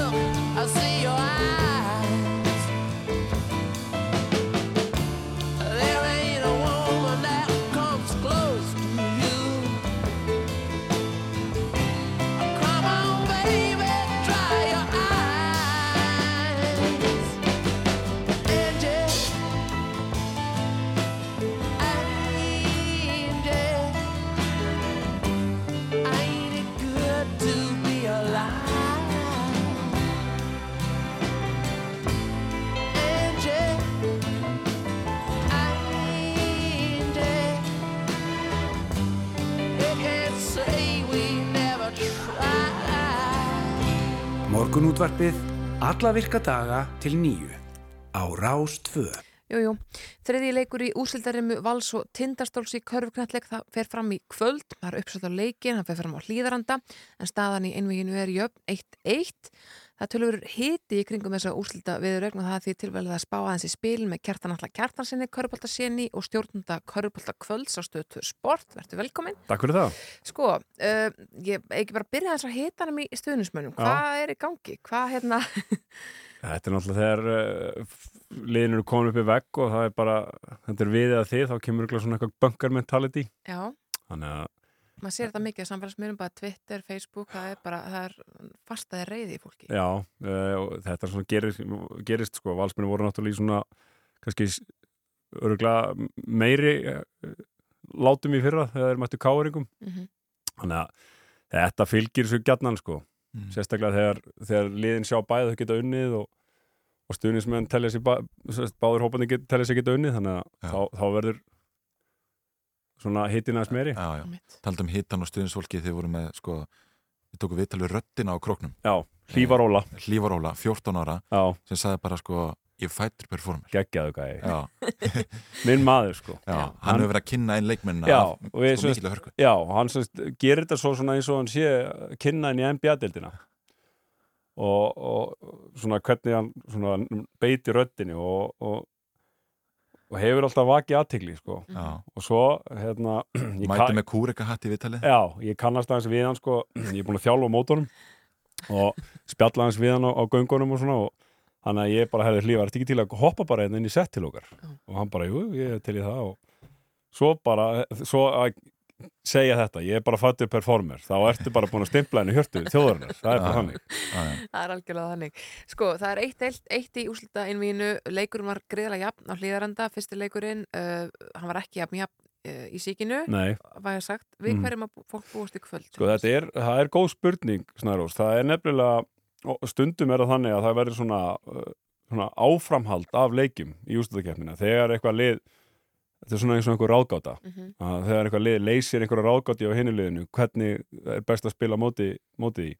Þá stundum á til að halda áfram en svo eins og hann uh, Rúnar Ingi Ellingsson sem að þjálfar uh, lið Njarvíkur sem var íslumestari í, í Söpudel Kvenna hann talaði um það að þegar hans konur tapuð, töpuðu mjög stórt fyrir haugum í einum leiki úslutakefnin í úslutarimmunni að það hafi verið gagnasöfnun fyrir hann. Þá var hann að sjá, þá sá hann hvað hitliðið var að gera og gætt svo bröðust við. Þannig að ég hugsa að valsmenn fari vel yfir og séu búin að fara vel yfir hvaða var sem að gerist fyrir norðan og komi svo með lausnir. Og nú verður spurning, eru svo stólarnir með eitthvað, eitthvað aðra ásip í erminni? Þannig að þetta er svona fyrir körfubólta nördana, ef við getum sagt eins og er mjög gaman að fylgjast með þessu, hvernig taktíkin breytist milli leikja. Já, já, en maður búist um mjög jöfnum leik. Já, ég, já, já, ég meina, þú veist, svo getur alltaf að- eins og hann sprakk bara út þessi leiku fyrir norðan. Hann, hann bara einhvern veginn bara uh, myndaði skjá á melli liðana, valsmenn náðu sér þarna niður einhver tíu stig eitthvað svo leiðis í þriða leikluta og náðu einhvern veginn aldrei að klóra sér tilbaka en, en leikurinn á hlýðir en þessast fyrsti leikurinn í rimmunni, hann var mjög jafn. Og, og það hérna ég myndi halda þessi verði líkari þeimleik heldur en fyrir norðan, það er svolítið erfitt held ég fyrir lið að koma norður. Það er ofbóðsleg stemming og svona byrjaða bara mjög snemma á leikti bara partí. Það eru tjöld fyrir utan og það er svona port fyrir aftan íþjóðdúsi þarna á, á Söðakróki það sem eru trúbadórar og það er bara svona eins og sé þjóðatíð Einmitt. og, og svo einum og hálfum tíma, tveim tímum fyrir leik er fólk komið inn í salin, það er sko áður en sem er leikmenn mæta íþróttúsi, þá eru þá eru uh, áhörundur sestir og byrjaðar að syngja. Það er ótrúlegt. þannig að það, það, stemmingi hún svona stigmagnast fram eftir deginum og næst svo hámarki á, á leiknum sjálfum. Þannig að það er það er rosalega erfitt að koma þarna og líka bara, ég, ég spila þarna margóft sjálfur, það er svona það eru svalir sem að umkringja völlin og það eru áhórundur þar líka þannig að þér líður svona eins og sért með áhórundur ofan að þér, það er mjög erfiður heima heima að, að, að sækja sko. Einmitt. Sko, það hefur uh, svona eitt af því sem hefur aðeins verið að tala um að frá hlið tindarsórs í raun og veru er að uh, lið valsi eitthvað svona keift lið á meðan að þeir séu sveitastrákar Mm. úr skagafyrinu. Mm. Er það sangjað gaggrun?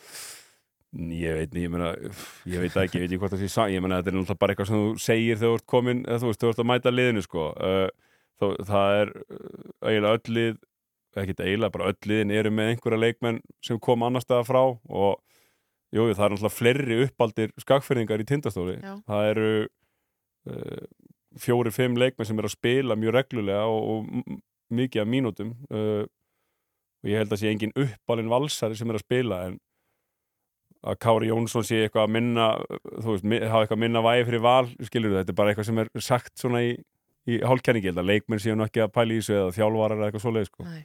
en þetta er bara svona partur af og ástæðan fyrir því að það er hiti út af því að fólk vill vinna vilja allir vinna og þegar þú vilt vinna, þetta er eftirsóknarvert og þá ertu þá ertu að reyna að, sam, að svona að horfa á samfara sjálfa. Ég er til dæmis mjög harður Boston Celtics maður í NBA og ég var núna vakandi til tvö í nótt og mitt lið tapaði var yfir allan leikin og misti þetta undir lokin og nú er það eina sem kemst að haustum af mér er bara hvernig gáttu við Bostonmenn klúðra þessu? Þannig að ég skil fólk mjög vel að vera svona að pæla í sínu liðum og, og horfa á þetta algjörlega bara út frá sínu sjónarhaldni það er eh, hérna, það einhvern veginn kemur alltaf, kemur alltaf upp. Þið Boston menn á Altanesinu. Já, við Boston menn á Altanesinu, við erum alveg brjálæðir en hann að þetta svona þetta gefur þessu auðvitað eitthvað vægi en þetta þarf alltaf að vera innan einhverja marka og, og, og það svona, þú veist Dans á línunni. það, það, oft, ég menn það er bara stuðnismannasveitir út um allan heim Já, já. og í öllum íþróttum dans, dans á línunu sko, það er bara og fara oft yfir línuna sko. Þannig að maður bara vonar að þetta verði dannað og, og þú veist og, við, og allir nú, hérna hafi orð sér að Friðriks að leiðilósi að láta ekki kappi bera fegurinn og ofurliði Já. Það er alltaf uppselt í kvöld en það hefur svona einhverjar óanægi gætt með að stuðnismenn að tindastóls út af sko, skiptingu á miðum á Já, ég, sko, það er eitthvað hérna, það er bara eitthvað regluverk frá KKÍ held ég, eitthvað svona uh, einhver guidelines ef við slettum um, um hérna hva, hversu marga miða í úslutakefninni uh, sérst, gestalið á, á rétt á. Og allavega kom það fram í frétt vísis í gæra formaði stólan og sagði bara heyrðu við fengið, stórnirni fengið alveg rétt magna miðum. Já. sko, stólarnir fengu he- held ég helmingin á miðunum í leik 1 og sem var, er bara virkilega vel gert hjá valsmönnum myndi ég segja, þú veist, skilu það er ekki algengt að, heimalið selji helming með hann síðan til gestalís og nú þekki ég þetta ekki alveg, ég er ekki alveg að pæli þessu, þetta er bara svona sem ég, maður heyrir og þeir verða eitthvað farri sýnist mér á öllu núna, en ég, aftur ég er ekki inn í, inn í miðamálum sko. Nei, nei. Uh, en þessi leikur hann verður síndur hjá ykkur í kvöld og Já. þið vantilega komið til með að krifja hann Já, já, við byrjum klukkan átta að hitta upp og þetta verður þetta ver- við verðum hann að fram eftir kvöldi og ég meina, þú veist, þetta er að vera í uppseldri órikahöll er lígilegt Mm. mm. þetta er, og líka fyrir norðan þetta er bara f- rosaleg stemming og ég bara man ekki eftir því að það hafi komið bara tilkynning daginn fyrir leik Já. það er bara uppselt Mhm. yfirleitt eru nú geta reddaði miðum á leikdegi og það er bara því miður Já. þið voru það seint sko þannig að þetta verða eitthvað tilþrifa súpar sem að fólk sér í kvöld Já, ég ætla rétt að vona það og, og líka bara tilfinningar. Já. Já, sko, í svona MVM, þetta er upp í þrjáunarleiki og það er eitt eitt. Þessi leikur er algjör, getur orðið algjör vendupunktur. Ef Tindastótt næri út í sigur, þá eru þeir að fara á he- sinn sterkasta heima, eða sem, á sinn sterka heimaöll, hvar þeir hafa ekki tapað í úslutakefninni, þeir eru búin að vinna alla leikina sín í úslutakefninni þar með yfirhöndina. En ef valsmenn vinna, þá hafa þeir tvo sjensa til þess að vera íslumheistarar. Þannig að þe- þessi leikur í kvöld gæti orðið leikurinn sem að ræður öllu. Kjartan Alli Kjartansson, takk kærlega fyrir kominu í morgunundarpið, komist ekki lengra í dag. Nei, nei, það er þetta nálgast allt okkar efni á vef okkar, rúf.is en við þökkum fyrir okkur í dag. Algjörlega